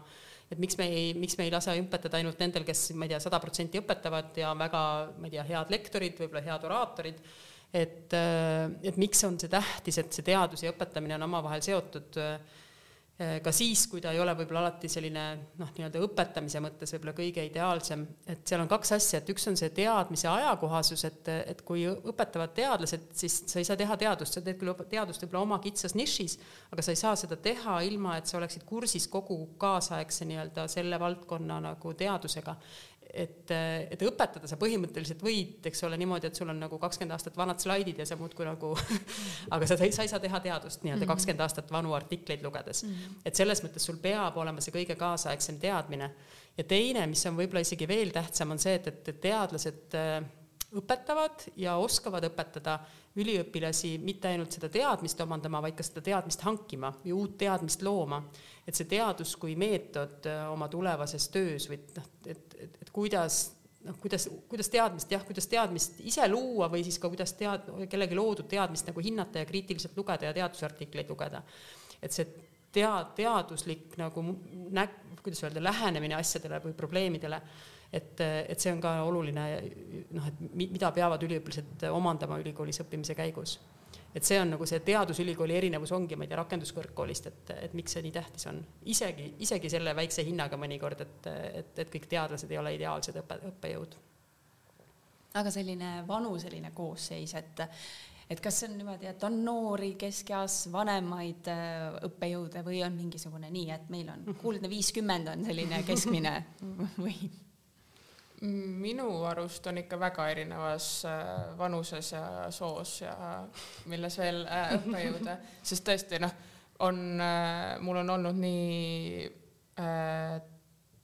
õppejõude, kes on siis ma ei tea, lõpetanud alles oma magistri ja, ja on doktorantuuris, kui neid, kes on juba professorid ja natukene vanemas eas, et ja näiteks minu instituudis on ka isa ja poeg on mõlemad õppejõud Äh, mis on hästi kihvt ja kuidas vaadata, kuidas mõlemal on oma stiil. et, äh, et ma küll ei tunne, et see oleks selline koht, kus kõik ainult lähevad vanaks saama, et tegelikult neid noori tuleb ikkagi, ikkagi peale ka ja seda on väga kihvt äh, näha, kui hästi noored oskavad õpetada ka jah, see vanuse teema ei ole, ma ei tea, õpetajate puhul on, eks ole, kurdetud aeg-ajalt, et just loodustäppisteaduste või füüsikaõpetajad on meil, ma ei tea, kolmandik on üle kuuekümne ja et on tõsine mure vanusega, et et meil ei ole praegu noh, tõesti nii nagu Siret ütles, et, et ma arvan, et on selline päris hea tasakaal, et ma arvan, et õppejõu keskmine vanus on seal kuskil nelikümmend seitse või, või kuskil viiekümne, hakka, hakkab viiskümmend saama, aga et et sealt on siis nagu viisteist aastat allapoole, viisteist aastat või noh, ma ei tea, mhm. kakskümmend aastat ülespoole, kakskümmend aastat allapoole, et ja just seesama, et, et ikkagi doktorandid äh, väikses koguses ka noh, kas peavad või, või saavad õpetada ja noh, kohati on ka mingeid praktikume viivad läbi isegi mõnes kohas juba nagu magistrandid, et, et selles mõttes, et see hakkab väga varakult pihta. ja, et tegelikult neid võimalusi on hästi palju, sest oligi äh, noh, mul on seminare andnud magistrandid, mis on ka oma, omaette kuidagi mm -hmm. nagu mm -hmm. naljakas, sest et me oleme Riigiteaduste Seltsis koos ja siis järsku ta on mu seminari juhendaja. Ähm, või siis ka mulle pakuti võimalust äh, ühes äh, esmakursuslaste aines olla õppeassistent mm. -hmm. aga noh, aja tõttu ma ütlesin, et ma ei soovi, aga, aga see ka, et siis saab natuke nagu, see oli eesti keele kirjalik ja suuline väljendus. et äh, kuna noh mingid inimesed jäid sealt silma, kes nagu, kellel tuli see aine hästi välja, siis see õppejõud pärast pakkus neile varianti siis olla õppeassistent järgmisel aastal.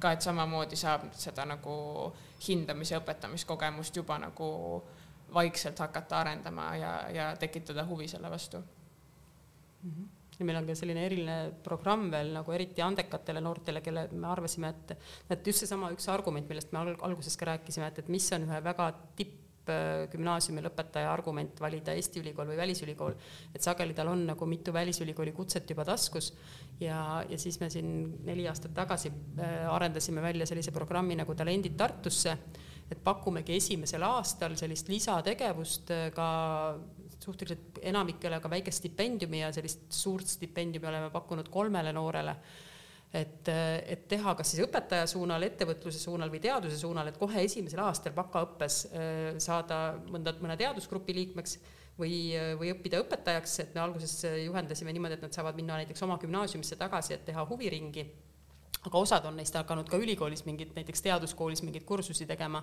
et just seesama, et minu jaoks oli nii äge, et me mõtlesime, et kas keegi tahab ikkagi õpetajaks saada, aga aga on noored talendid, kes tegelikult tulevad ja ütlevad, et noh, et, et see oligi see, mida ma tahtsin tegelikult, et noh, ma tundsin, et ma tahaks nagu noh, et õpetajakoolitusse päris ei lähe mm, -hmm. aga ma tunnen, et mus on see oskus nagu olemas, et oma teadmisi edasi anda, et, et neile hästi sobis see, et, et see oli väga äge ja ma võtsin ise ka seda ei, see oli mhm. tõesti minu arust see nagu üldse see õpetamise mm -hmm. teema on nagu väga paeluv minu enda jaoks ka, et see, et, et ikkagi nagu ainult teadmiste olemasolust ei piisa, vaid see oskus -hmm. neid õigesti ja efektiivselt ja hästi edasi anda on ka nagu minu jaoks vähemalt täpselt sama oluline mm. -hmm no ja samas sinna kardina taha piilumine on, annab nagu selle teadmise ka, et mil, mis töö tegelikult on selle õppejõu ja õpetaja mm -hmm. rolli taga, eks ju, et et väga äge, aga see on siis nagu eraldi aine või kursus lihtsalt või?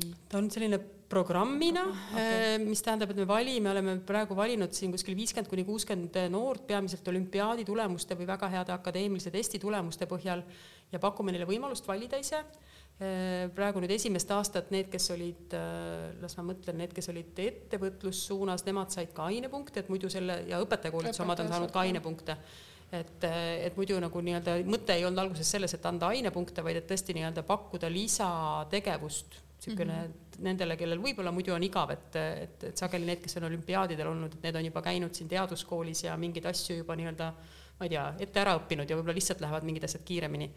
et, et pakkuda sellist lisategevust või lisaväljakutset. et, et ta ei ole jah, nagu otseselt üks aine, aga selle eest on võimalik ainepunkte saada aga see võiks olla mhm. siis ju, et te ütlesite, et valite välja viiskümmend parimat, ma saan täiesti mm -hmm. aru, mis on nagu väga hea, aga võib-olla õpetaja kooli haridussüsteemile olekski hea, et pakkuda kõigile seda, et võtke see õpetaja mm -hmm kutse juurde nii-öelda, noh, mitte kutse, vaid see jah. programm nii-öelda. see tegelikult enamikes bakalaureuse õppekavades, mis õpetaja koolituseks, sest meil see süsteem on täna ju niimoodi, et noh, klassi, teie olete õppinud klassiõpetajaks mm, -hmm. et klassiõpetaja alustab kohe algusest peale mm -hmm. õpinguid, aga kui sa õpid aineõpetajaks gümnaasiumis, et siis sa õpid kolm aastat matemaatikat mm -hmm. näiteks ja siis kaks aastat matemaatika, informaatika õpetajaks kus sa siis õpid veel ainet juurde, aga, või mingit kõrvalainet, ma ei tea, IT-d kõrvale, et saada siis matemaatika, informaatika õpetajaks näiteks või noh, või teistel erialadel te, teisiti. aga sa ikkagi kolm aastat õpid nagu ainet alla mm. -hmm. ja, ja kõigis nendes õppekavades, olgu see siis, ma ei tea, füüsika, keemia, materjaliteadus või matemaatika või eesti keel, on tegelikult selline väike moodul olemas eh, praegu on häda olnud selles, et võib-olla see moodul on kohati liiga suur ja liiga raske ja, ja mitte liiga paljud ei võta seda, et me oleme mõelnud, et seal võiks olla jah, midagi sellist lühikest ja atraktiivset, et noh, ma saan maitse suhu aga, aga see jah, see, see idee, et, et, et vähemasti nendel erialadel noh, kust peaksid kasvama mm -hmm. aineõpetajad välja, oleks võimalus seda nii-öelda oma õpetamistalenti testida mm. -hmm no aga ma tean, Aune, sina oled ise kirjutanud artikleid, et Eesti üliõpilased peaksid ka välismaal sa õppimise kogemuse mm -hmm. saama, et et kui palju on selliseid võimalusi, et kas kõik üliõpilased käivad Tartust välismaale või peljatakse või? Kahjuks ei käi kõik. Äh, kõik ei käi, aga samas mulle tundub, et see vahetussemestri tegemine nagu see kogub järjest populaarsust mm, -hmm. nagu minu tutvusringkonnas küll järjest, kas keegi äh, just mu sõbranna jõudis eile Belgiast tagasi ja siis, või siis nüüd sügisel uuesti minnakse, et see ikkagi nagu noh, et, et see nagu teadlikkus sellest on ikka väga-väga kõvasti kasvanud ja kuna see noh, et kui ei ole nagu mingit kiiret teha see tõesti nüüd kolme aastaga ära niimoodi, et mitte midagi muud ei tee, siis äh, nähakse ka selles väga suurt lisaväärtust lihtsalt noh, esiteks, et näha nagu, kuidas asjad mujal käivad, teiseks see, et võib-olla väike keskkonnavahetus kulub ära ja ikkagi minu jaoks ka nagu see pluss on see, et äh, noh, saab võib-olla võtta mingeid aineid, mis pakuvad huvi, aga mida Tartu mm -hmm. Ülikoolis ei ole võimalik õppida. Ja, ja ta on täpselt selline nagu hea lühike periood, et ei pea mingit ülisuurt äh, sellist otsust tegema, et nüüd ma lähengi igaveseks välismaale, vaid noh, et see tunne, et mul on alati koht, kuhu tagasi tulla mm. -hmm aga sa ütlesid, et see kogub alles populaarsust, et miks ei minda? Mhm. meil on kuskil kümme, kaksteist protsenti üliõpilastest, kes lõpetamiseks on käinud välismaal mm -hmm. ja, ja meil on praegu nüüd kõikides õppekavades on mobiilsusaken et see ongi selline semester, kuhu, kus on nagu õpingute mõttes kõige lihtsam minna niimoodi, et sa ei pea nagu muretsema, et, et mis sul siis tegemata jääb ja et, et noh, muuta seda minek, minemist lihtsamaks et stipendiume, mida, mida kasutada minemiseks on piisavalt, Erasmuse stipendiume, natuke probleem on selles, et need alati ei kata kõiki kulusid mm. -hmm. noh, mis praegu oli muidugi kaks aastat koroonat, see lõi tõsise põntsu sellesse tegevusse, nii et me praegu tegeleme tõsiselt sellega, et seda uuesti elustada aga noh, meie eesmärk on see, et, et see mobiilsus võiks olla vähemasti kaks korda suurem, et meil on Euroopa ülikoolide võrgustik Enlight üheksa ülikooliga, mis, kus me siis teeme väga tihedat koostööd, ühisõppekavasid, ühiskursusi. meil oli seal eesmärk, meil on selline, selline viis fookusvaldkonda et nendes valdkondades võiks olla mobiilsus viiskümmend protsenti ehk iga teine üliõpilane võiks olla mobiilne. koroona muidugi pani sellele ka korraliku nagu sellise tagasilöögi. et tegelikult need ambitsioonid on oluliselt suuremad, aga noh, meie üliõpilaste üks mure on töötamine, et kui sa töötad, et üliõpila-, ülikool teeb sulle küll mobiilsusakna, aga tööandja ei tee sulle mobiilsusakent äh, siis on muidugi terve rida üliõpilasi, kellel on lapsed ja pered ja, ja siis on keeruline minna. ja noh osad on võib-olla ka, ma ei tea, mugavus või ma ei tea, selline, aga, aga noh, ütleme niimoodi, et me tahaksime, me näeksime, et ole, oleks rohkem seda minemist, et ma arvan, et see tõstab äh, seda õpingute väärtust, see ikkagi annab täiesti selliseid kompetentse või mingeid pädevusi juurde, mida sa lihtsalt kodus olles ei saa, noh, me võime siin, äh, eks ole, igasuguseid aineid pakkuda, ma ei tea, kultuuril, kultuuride vahelist suhtlemist ja asja, aga kui sa ikkagi reaalselt oled seal uues keskkonnas, ma arvan, et sa, Siret, võid ise sellest palju paremini rääkida, et et see annab sulle mingisuguseid oskusi ja, ja ta kindlasti tõstab selles mõttes kvaliteeti, et üliõpilased näevad erinevaid õppimisstiile ja võimalusi ja tulevad uute ideedega tagasi ja nõuavad meie õppejõududelt ka, võib-olla näevad, et midagi on meil väga hästi, aga samas ka tulevad äh, mõtetega, mis meil võiks olla teisiti, nii et, et, et see on ülikoolile hästi tähtis. et, et oleks mobiilsust rohkem, aga, aga jah, ütleme nii, et, et see, ma arvan, et see mobiilsusaken ja, ja selle nii-öelda võib-olla taaselustamine, noh, mis on muidugi uues sellises Erasmuse perioodis, mis nüüd algas just selle aasta algusest, võimalik, et, et kui varem me eeldasime, et mobiilsus on terve semester, et sa lähed ikkagi terveks semestriks, siis nüüd on palju uusi võimalusi, kus sa saad võtta virtuaalselt äh, semestri jooksul no, nii-öelda distantsilt teisest ülikoolist ja siis minna nädalaks või paariks. et mida me loodame, et, et see sobib ka töötavale inimesele ja et see oluliselt kasvatab mobiilsust, et kui ma teen juba nädala ära, siis vaatan, et ei olegi nii hirmus, et võin ka minna semestriks. aga see on võimalik, et minna mitu korda näiteks? On võimalik minna mitu korda, jah ja,? Mm -hmm. aasta või noh, kaks mm -hmm. semestrit on minu arust see mhm. maksimum, mis saab äh, minna mm. -hmm et nii kaua pikendatakse mm, -hmm. no sest et see nominaalaeg ju sellega koos ka pikeneb, et ei pea muretsema, et nüüd ma pean kiiremini kõik oma asjad tehtud saama, et tegelikult, et tegelikult saab nagu pikendust äh, teiste õpingutega ka ja noh, mingeid aineid saab ju üle ka kanda mm, -hmm. et neid ei pea siis siin Tartus tegema ja saab minna bakas ja saab minna ka magistris veel mm -hmm, lisaks. no võib, võib-olla osadel ongi see murekoht ka see, et kui on äh, väikesematel erialadel äh, kõiki aineid äh, ei loeta iga aasta, ehk siis kui noh, kui ma seda sellel aastal ei võta, siis ma pean seda ülejärgmine aasta võtma, on ju, siis võib-olla ma ei saa lõpetada õigel ajal, et siis ei saa nagu mingitel perioodidel minna. või siis on ka nagu kogu see eeldusainete teema, et mm -hmm et selleks, et võtta mingeid kevadsemestri aineid, ma pean sügisel võtma kõigepealt eeldusaine ja siis väga ei saa nagu sügisel mhm. Erasmusele minna noh, et neid asju peaks see mobiilsusaken põhimõtteliselt just lahendama, et, et, et see on mhm. loodud sulle selline auk, et kus, kus sa nagu ei, mis ei takista sinu õpinguid, aga aga noh, seal võib olla jah, et, et ikkagi kuskil, kuskil see on keerukam.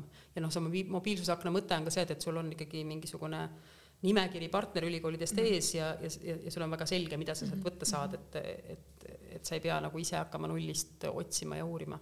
aga noh, sellesamas meie jah, selles Euroopa ülikoolide võrgustikus, et, et seal meil peaks sügisest tekkima siis see võimalus, et me siin ise arendame seda IT-süsteemi, et et esialgu tudengid, kõigi nende üheksa ülikooli tudengid näevad kõigi ülejäänud kaheksa ülikooli aineid siis, et neil tekib tegelikult see pilt ette ja, ja noh, eesmärk on see, et, et ühel hetkel nad saavad ka otse registreerida, et sa lähed meie õppeinfosüsteemi ja selle asemel, et sul on ainult Tartu Ülikooli ained, et sul on segadust siis veel rohkem et sa saad otsingutega vaadata, et millised, ma ei tea, inglisekeelsed virtuaalsed äh, riigiteaduste ained on, äh, on Uppsalas ja, ja Gentis mm. ja, ja kus veel kas see on nüüd äh, midagi, mis on siis koroonaga seoses tulnud või juba varasemalt, et ongi võimalus võtta distantsilt näiteks mm -hmm. teise ülikooli no need virtuaalsed võimalused on kindlasti koroonaga oluliselt kasvanud ja noh, kõik need ei kao ära niimoodi päevapealt mm. -hmm. aga, aga see mõte, et virtu-, osaliselt virtuaalselt ja osaliselt siis lühiajaliselt mobiilselt, et see on ka selline Euroopa nii-öelda enne koroonat juba välja mõeldud äh, uus Erasmuse lähenemine ja pluss siis see Euroopa ülikoolide võrgustikud, et mida, mida siin on äh, arendatud neli, kolm-neli aastat, noh, meil on praegu minna, meil on käimas teine aasta praegu, et poolteist aastat on veel minna ja siis tuleb uus, uus periood, nii et, et see on selline pikaajaline koostöö, kus siis ikkagi mingid Euroopa ülikoolid peaksidki kasvama selliseks tihedamaks nagu omavahel tihedamalt äh, seotud võrgustikuks, kus saab valida virtuaalseid asju, ka noh, virtuaalseid ja füüsilisi asju mõlemaid no meil ju põhikoolis väga palju muutus koroona ajal pandeemiaga, et äh, mis siis võib-olla ülikoolis on äh, muutunud, kas midagi läheb äh, tagasi, nagu ennem oli või, või vastupidi, et saabki distantsilt õppida Tartu Ülikoolis ka tervet eriala või midagi?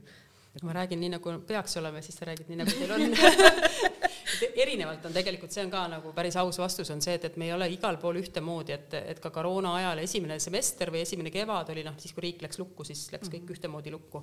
aga niipea kui võimalik oli, siis me läksime nii-öelda kuidas öelda, muutusime paindlikuks, nii et, et instituudid said ise teha otsuseid, et kui arstitudengid olid ühel hetkel vaktsineeritud, siis nemad said tulla tagasi, samal ajal kui ma ei tea, sotsiaalteaduste valdkonnas, kus on lihtsam teha distantsil asju ja ei olnud vaktsineeritud, et siis, siis seal jäi distantsile kauemaks ja noh, ma ei tea, mingid laboripracticumid, eks ole, kus on vaja olla, nii et noh, et, et see, meil ei ole nagu päris ühte pilti, aga on mingid asjad, mis jäävad äh, ja üks, mida me tahame, et, et jääks ja päris mitmes kohas on otsustatud, et jääb, on suured loengud veebis, et sa saad äh, suurte loengute puhul kas valida, kas tulla kohale või vaadata veebist, et see on praktiliselt ka mõistlikum, sest et noh, ma ei tea, toon jälle arsti näite, et kui sul on suur loeng saja kuuekümnele tudengile, aga see rühmades praktiline õpe toimub mõnedel kev-, sügisel, mõnedel kevadel, nii nagu logistiliselt on võimalik, siis kui sul on kevadel selle praktikum, sul on mõistlik seda loengut kuulata vahetult enne seda, mitte kuulata sügisel loeng ära.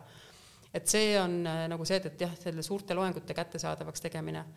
ja ma arvan, et päris paljud kursused said parema e-toe, et me siin panime tsentraalselt ka toetasime seda ja, ja võtsime eesmärgiks, et äh, noh, meil sel aastal sai Eesti ülikoolide sellises kvaliteedimärgi taotlemises seitsekümmend kursust said nagu niisuguse kõrge kvaliteediga e-kursuse märgi. et, et, et noh, selline e-õppe kvaliteedi kasv, ma arvan, et on noh, et ega see ära ei kao, et, et ka siis, kui, kui loengud ja seminarid on näost näkku, et siis see tugi, mida, mida e-õppe keskkonnas saab pakkuda, et see jääb ikkagi alles. aga me ise muidugi tahaksime väga tulla ikkagi tagasi või et noh, et nii-öelda niivõrd, kuivõrd võimalik normaalsusesse. et eks siis sügis näitab no ja kuidas päriselt on siis? aga päris veebis ei ole midagi, jah? päris veebis on äh, haridustehnoloogia õppekava on niimoodi, et nemad tulevad nädalaks või kaheks tulevad äh, õppekava alguses, äh, kuna see on ingliskeelne õppekava, et nad tulevad augustis kaheks nädalaks Eestisse või koha peale kokku siis need, kes on Eestist ja, ja õppekava lõpus, aga põhimõtteliselt on aasta aega siis distantsil. et see on meie ainuke praegu täismahus veebipõhine õppekava ja, ja muid asju jah, täies mahus veebis õppida ei saa no meil on mingeid äh, kursuseid või aineid mm -hmm. võivad olla küll, mis on nagu täiesti virtuaalsed ähm,. aga sul on võimalik minna ka loengusse mm? -mm. ei, ei niimoodi, et sul ongi mm -hmm. nagu ainult, ainult noh, tunniplaanis näitab ka, et nüüd tuleb virtuaalne loeng, aga pigem minu arust, mis on jäänud, on jah, see nagu see hübriidi võimalus on hakanud suurenema äh,. oleneb ilmselt õppejõust ka, aga noh, meil tahetakse võimalikult palju kohapeal ikkagi teha et näha nagu neid inimesi ja nagu siis äkki tuleb mingit arutelu ka rohkem, mulle endale meeldib ka kohapeal käia, aga minu arust, mis tõesti on paremaks läinud, on see, et rohkem materjale on äh, olemas internetis, et õppejõud ise nagu saavad aru ka, et alati ei ole võimalik kohale tulla. Ähm, ja vähem nagu siis käiakse võib-olla lihtsalt ka nagu tõbise või haigena loengus, et siis äh, pannakse rohkem materjale üles, ähm, millega on siis ise ka kergem nagu õppida et minu arust see on küll väga hea, et see nagu kogu see Moodle'i keskkond on nagu väikse hüppe mhm. edasi küll teinud et aineid on muidugi sada protsenti veebipõhiseid aineid on küll, aga ma mõtlesin, et nagu täisõppekava ja, mm -hmm. ja noh, mis kolis tegelikult veebi ja no täitsa huvitav vaadata, kas ta tagasi kolib, on täienduskoolitus, et ülikool on ka Eesti suurim täiendkoolitaja, et täienduskoolitus meil äh, seitsekümmend protsenti eelmisel aastal toimus veebis. et see on nagu teinud sellise muutuse läbi koroona.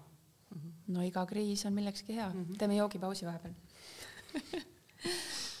Aga no mina olen sihuke spordiinimene, üliõpilaste spordivärk toimib endiselt, akadeemiline spordiklubi ja ma ei tea kõik, mis sellega kaasa käib. meil on oma spordiesindus. Mm, -hmm. nad teevad äh, ühistreeninguid näiteks, äh, nendega saab liituda, nad just nädalavahetusel toimusid üliõpilaste suvemängud, kus siis spordiesindus korraldas ka kogu seda Tartu Ülikooli poolt ja üritust ise et äh, noh, et kui need, kes on nagu huvitatud, saavad kindlasti, pluss ju meil on äh, äh rahvakunstiansambel, kus saab rahvatantsu tantsida mm -hmm. ja noh, Tartus üldiselt on mhm. erinevaid trenne, aga tegelikult mhm. see spordiesindus põhiliselt äh, tegeleb selle poolega mm -hmm. ja ja korraldavad veel ülipalli, mis on üks spordiüritus ja, ja teevadki nagu erinevaid selliseid ühistreeninguid. ei, tegelikult on ju spordi, noh, tegelikult terve spordihoone, eks ole mm, -hmm. et, et noh, et mhm, kõik, mhm. kõikvõimalikud spordialad, millega saab liituda, et ja vist nüüd kolmandat aastat me võtame ka selliseid tippsportlasi eritingimustel vastu, et, et kümme niisugust eriti head sportlast saavad ka pikema õpiaja ja, ja neilt me ei nõua siis äh, puuduvate ainete eest äh, maksu. et äh, lihtsalt, et, et julgustada ka nagu tippsportlasi astuma ülikooli Mm -hmm. aga noh, see puudutab väheseid selles mõttes, et aga et, et mhm. üliõpilaste sport, et jah, mulle endale tundub, et, et sellega on Tartus ikkagi noh, võimalused on väga head mm, -hmm. et seal et ma ei tea, minu oma, oma lapsed, kellest nüüd, kellest nüüd keskmine laps lõpetas just magistriõpet, et nemad on nagu igasuguseid, igasuguseid sporte teinud siin ülikooli ajal. kes need tipp, tippsportlased on olnud siin nüüd viimasel aastatel, kes on sisse astunud või lõpetanud? Nüüd ma peaks tegema arvuti lahti ja vaatama jään nime võlgu.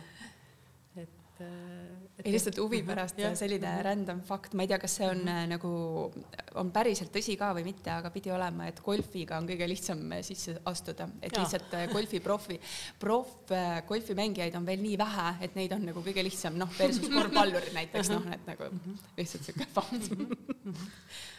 Et no mina küsiks siit nüüd äh, täitsa sellise ka jälle isiklik huvi, et äh, kuhu ma peaks äh, kinnisvara soetama, et kuhu ülikool oma hoonetega liigub, et et kesklinn, on see see seal Veeriku kant on ju, et sellest ajast, kui mina lõpetasin, on ikka päris palju muutusi toimunud ülikooli hoonetes, mhm. et no ma ütleks, et noh, arstid on ju peamiselt Maarja mõisas ja on ka näha, et tegelikult äh, need, kes nagu lähevad arsti õppima, siis nad üritavadki sättida ennast kuskile kesklinna, kus toimub see Melu ja Maarja või see vahele et oleks nagu mõlemas kohas mugavam käia. Äh, mina vaatasin ka, et mu enda nagu õppehoone oleks lähemal, sest ma käin Toomemäel koolis. Ähm, need, kes õpivad IT-d või majandust ja käivad Deltas, nemad on ilmselt pigem rohkem seal ülejää pool natukene. et äh, noh, ma arvan, et tasub selline va vaadata mm -hmm. nagu, kus mis hoonetes sa ise pead käima ja ja et oleks nagu liiga kaugele kesklinnast ka ei jääks, kui võimalik mm. -hmm. Kõik see Tartu on vist nii väike linn, et mm -hmm. tundub, et see ei ole nagu noh, vist ikkagi väga paljude tudengite üürikorter on tegelikult Annelinnas ka, et otseselt ülikooli õppehooneid seal pole, aga aga lihtsalt praktiline on mm, on, mhm. on see, et, et seal on neid korterid rohkem. aga noh, muidu on jah, ikkagi kaks campust ja ega seda Maarja mõisa või Tartu Ülikooli kliinikumi keegi sealt Maarja mõisast ära mm ei koli, nii et et biomeedikum on seal ja füüsikum ja keemikum ka ja Tehnoloogia Instituut laieneb, et noh, järgmine suurem ehitus tõenäoliselt on see, et, et Tehnoloogia Instituut saab kunagi oma maja, kui kinnisvarahinnad jälle lubavad ehitada. Et nagu hooned on küll uhked ja nagu selles mõttes nii seest kui väljast, et ka, õpikeskkond on läinud jah, ka kui mõelda muutuste peale, siis õpikeskkond on läinud, on läinud ägedaks et noh, tõesti siin viimasel aastal valmis, eks ole, nii, nii, nii rohelise bioloogia maja siin Toomemäel kui, kui haridusteaduste maja ja ja, ja Delta paar aastat tagasi, nii et ja noh, et füüsikum, keemikum on tegelikult väga, nad on küll nii-öelda kesk, kesklinna vaates nii-öelda kaugel, aga, aga õpikeskkonnana on üliõpilased hästi kiidavad mm -hmm. füüsikumi, füüsikumi näiteks mm. -hmm. ja, ja tegelikult ju noh rattaga saab ka Tartus igale poole, et äh, absoluutselt. ma lihtsalt tõin oma ratta siia ja esimese aasta elasin Tähtveres, ma ei teadnud Tartu geograafiast väga midagi. ja siis ma mõtlesin, vaatasin, et oh, ainult kakskümmend minutit kooli jalutada, nii lähedal ju, sest ma muidu käisin, elasin Tallinnast väljas, käisin iga päev kakskümmend kilomeetrit Tallinnasse kooli ja siis eh, olin siin umbes mingi paar kuud elanud ja kõik kurtsid, et ma elan nii kaugel ja et see kakskümmend minutit on ikka jõle pikk aeg, mida jalutada. et äh, jah, ja siis ma kasutasin ka ratast päris palju, et aga et noh, see nagu see tunnetus ka, mis asi on kaugel, on ikka Tartus ja Tallinnas täiesti erinev mm. -hmm, kindlasti mm. -hmm no aga meil vahepeal käis siin juba läbi sõna täienduskoolitus ja, ja veebikursused, et ja siis on lisaks Tartu Ülikool pakub veel ju ka mikrokraadi, et mis imeloom see uus asi on nüüd siis? see on täiesti huvitav imeloom, et see nimetus, ma ei tea, kas see nimetus üksi või on see tõesti selline ajavaim ja vajadus, et see on üks nendest nähtustest, et kui ta tuli, siis kohe võeti omaks, et me, kui me eelmine aasta tegime oma esimesed mikrokraadid, neid oli umbes kakskümmend siis me mõtlesime, et noh, et huvitav, et kas keegi leiab selle üles ja et, et kas, kas see läheb, läheb lendu ja, ja see läks lendu, et, et sisuliselt kõik nendest mikrokraadidest, noh, ma ei tea, ma arvan, et umbes kolmandik läks lõhki selles mõttes, et mis, kus, mis ei mahutanud nii palju õppijaid, kui oli, kui oli meil kohti pakkuda.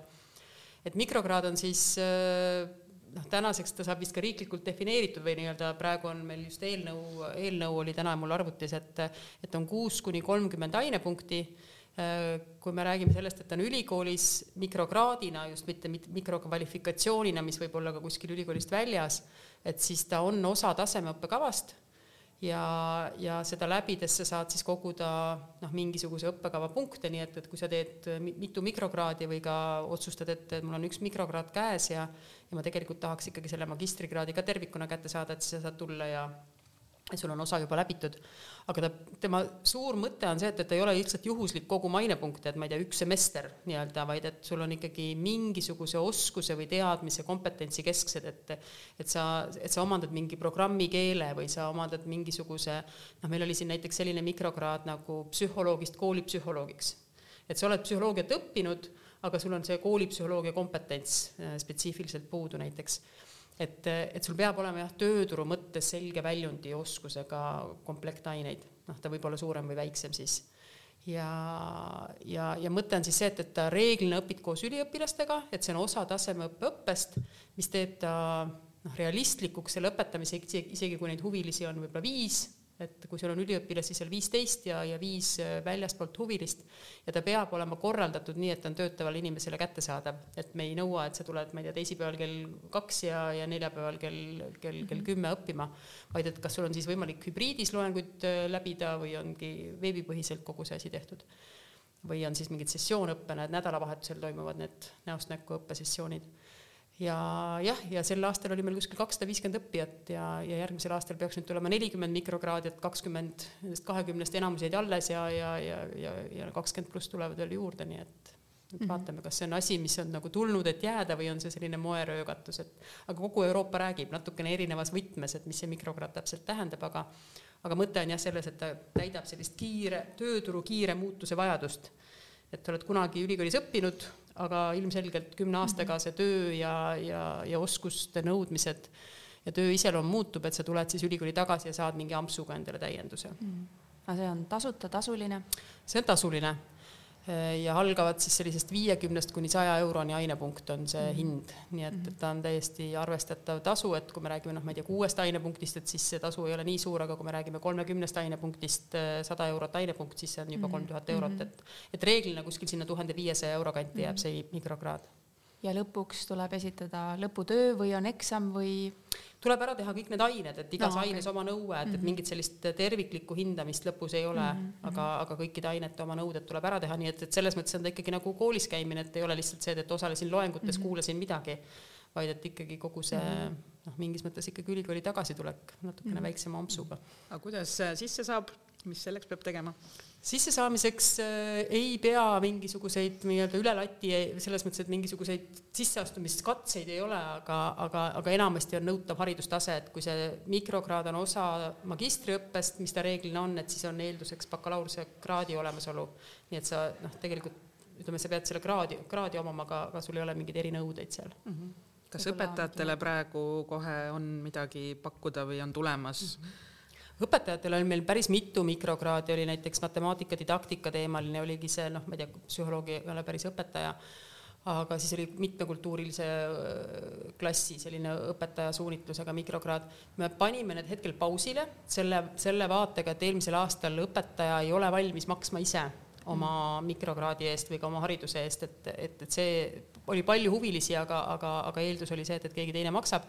et Haridusministeerium on lubanud selle rahastuse leida ja me praegu ootame, kuni see rahastussüsteem välja mõeldakse, et siis ma arvan, et järgmisest aastast tuleb õpetajatele mitmeid asju, et meil on need kraadid täitsa olemas ja vastu, vastu võetud, aga aga me ei kuuluta neid välja, sest et jah, eelmise aasta kogemus näitas, et õpetaja oma palgast ei mm, -hmm. ei ole valmis maksma, mis on ka arusaadav mm. -hmm no siin nüüd sai vastuse siis meie saat-, eelmise saatekülalise mm -hmm. lindistus, et küsimus oli see, et kas tuleb eesti keel teise või teise, teise keelena tagasi mikrokraad. Jaa, ma arvan, et ma arvan, et selline asi oli meil täiesti laual, et mm, -hmm. aga ta ootab ka tõesti seda ministeeriumi rahastuse, rahastuse otsust. kui realistlik see on? see on väga realistlik, et äh, ma arvan, et siit tulevad ka Euroopa rahad, et, et ministeeriumil on see plaan täiesti olemas ja nüüd tõesti, nii nagu ma ütlesin, ka see mikrokraad on kavas seadustada, et ja, ja luua selline nii-öelda hariduse infosüsteemis ka eraldi registreerimine, et nii-öelda inimesed saavad ka neid mikrokraadidega, noh, et sul ei ole lihtsalt üks tunnistus paberil, vaid et, et sul on ta tegelikult ka riiklikult registreeritud, et sa saad selle mhm. sealt alati üles korjata ja tööandjale esitada. et ähm, okei okay,, ma küsin siis ka vahepeal isiklikku jälle, et äh, kuna minul ei ole bakalaureusekraadi, minul on rakenduslik kõrgharidus, eks ju, kuna ma lõpetasin õpetajate seminari, et noh, kuna jah, see mhm, akadeemilist ei võtnud ja et kas mina saan ka tulla magistrisse või ma pean tegema mingi mikrokraadi vahepeal? ei, sa ei pea, sa saad tulla magistrisse, et rakenduskõrgharidus on võrdsustatud mm -hmm. bakalaureusekraadiga, et, et sellepärast ei pea. no vot. aga mikrokraadi võid ikka teha. ja, ja ei, ma tegelikult olen mõelnud ja ma olen kandideerinud ka ja isegi sisse saanud aga siis on midagi muutunud nii, aga veel oli igasuguseid teemasid, mis me mõtlesime, et küsi-, küsime mokkide kohta ka mm. -hmm. mookide.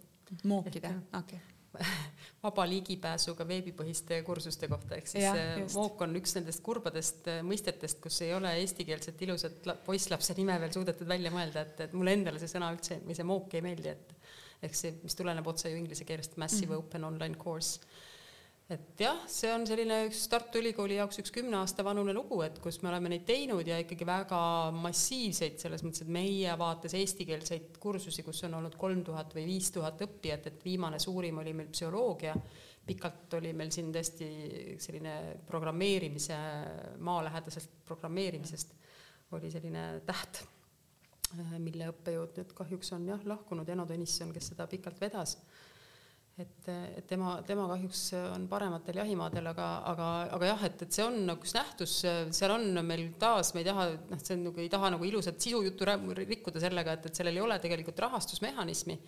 et, et see on üks meie läbirääkimiste objektidest olnud ministeeriumiga, et enam mitte keegi ei maksa seda kinni, et ta peaks olema tasuta aga me teeme mõned, mõnesid ägesid, ägedaid asju, kus, kus on nagu mõeldud ennekõike võib-olla ka sisseastujate informeerimiseks, et gümnasistidele, et, et näiteks õigus on meil üks populaarsemaid erialasid, et meil ei ole vaja õigust otseselt reklaamida kellelegi.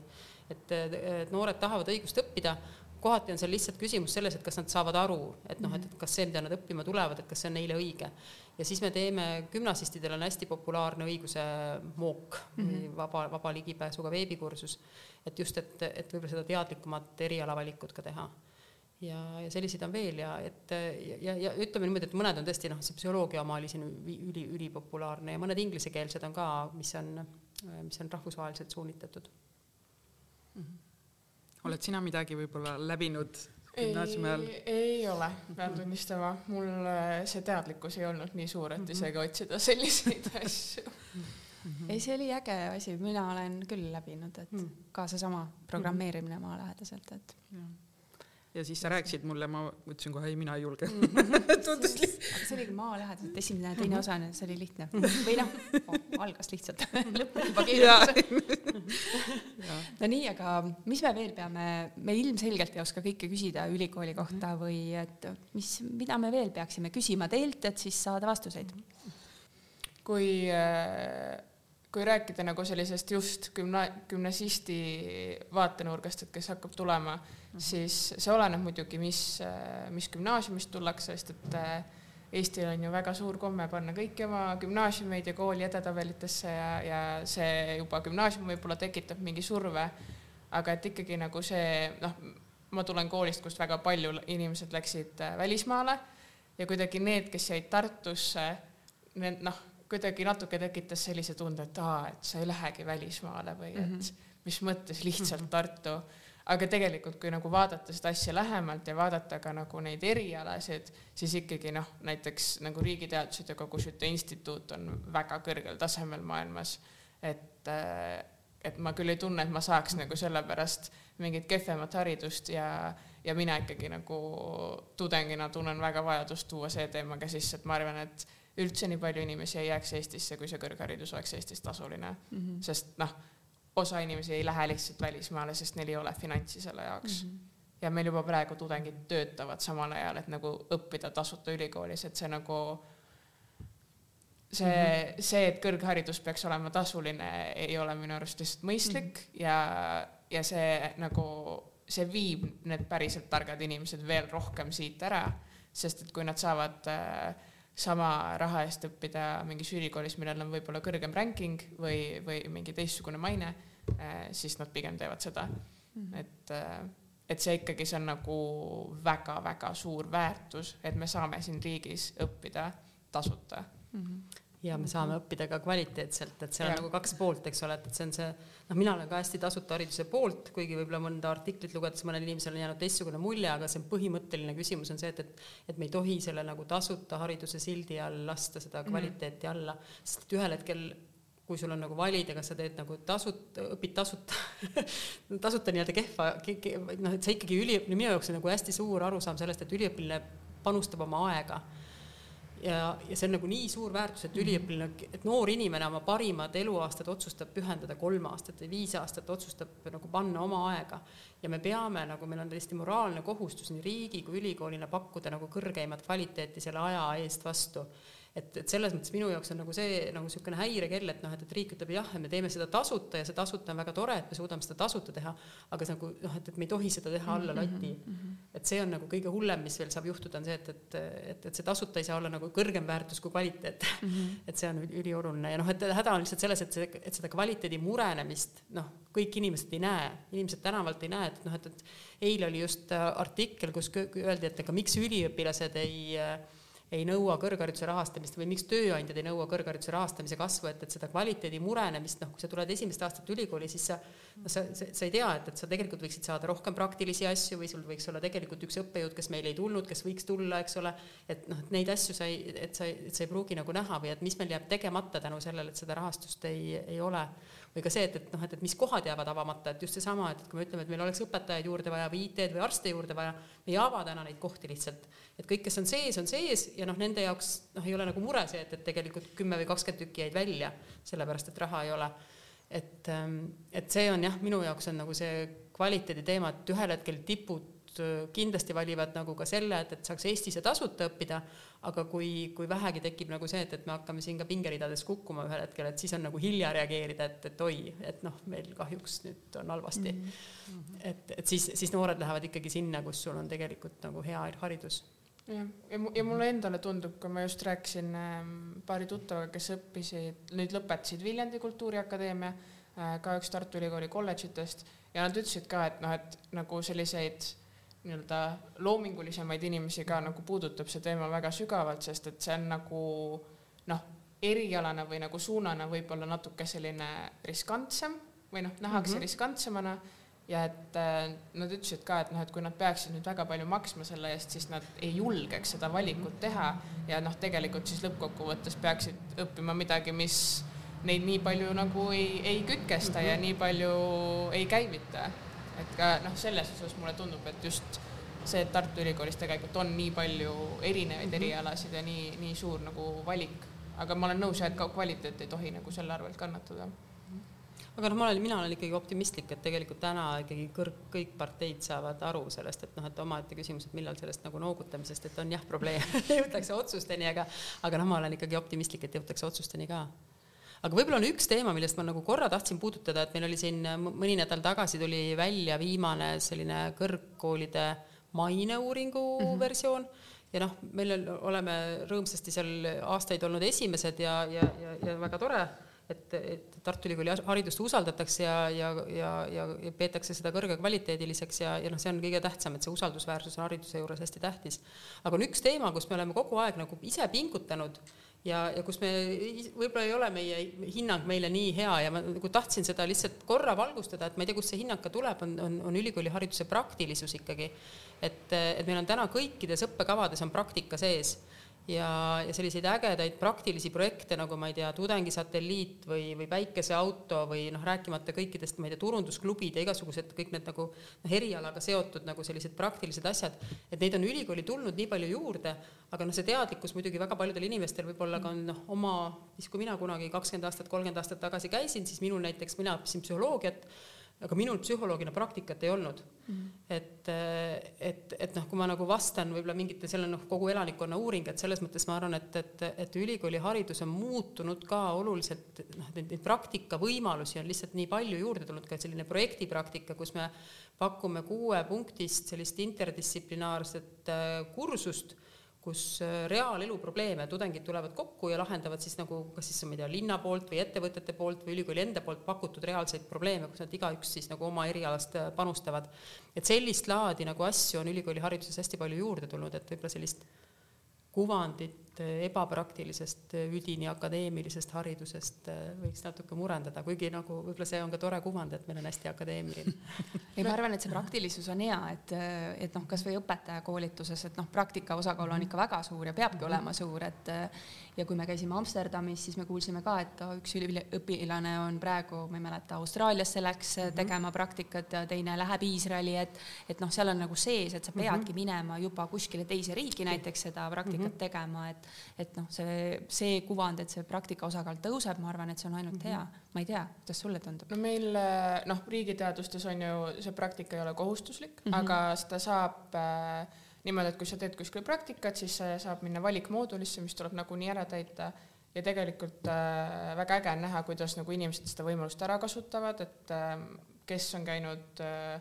ministeeriumis, kes on kohalikus omavalitsuses, üks mu sõbranna jõudis isegi äh, Saksamaale saatkonda et, et noh, et see on mhm. natuke nagu selline ise ettevõtmise asi, et kui mhm. palju sa viitsid korraldada ja otsida, aga see, et, et see nagu ülikoolipoolne tugi on olemas, et sa nagu panustad suvel näiteks kuu aega oma ajast, teed need prakt-, teed seda praktikat, et näha siis, mis võimalused sul on, kui sa oled mm -hmm. nagu riigiteadused ära lõpetanud ja siis hiljem sa saad nagu need ainepunktid siis sinna prak-, nagu valikmoodulisse on minu arust nagu väga-väga mm -hmm. suur pluss ja noh, õpetajakoolitus on üks nendest, kus see praktika, ma ei tea ka, kuidas, kas ma ei, mul ei ole peas need aastad täpselt, et kuidas teie lõpetasite kuidas nüüd on, aga meil on praegu kolme liiki praktikat, mis algavad sisuliselt kohe esimesel aastal, esimesel semestril, et varem oli see, et õpetajakoolituse praktika oli lõpus mm, -hmm. aga et, et sul on selline pidev pedagoogiline praktika, siis on sul vaatluspraktika, siis on see, kus sa päris nagu ise juba õpetad.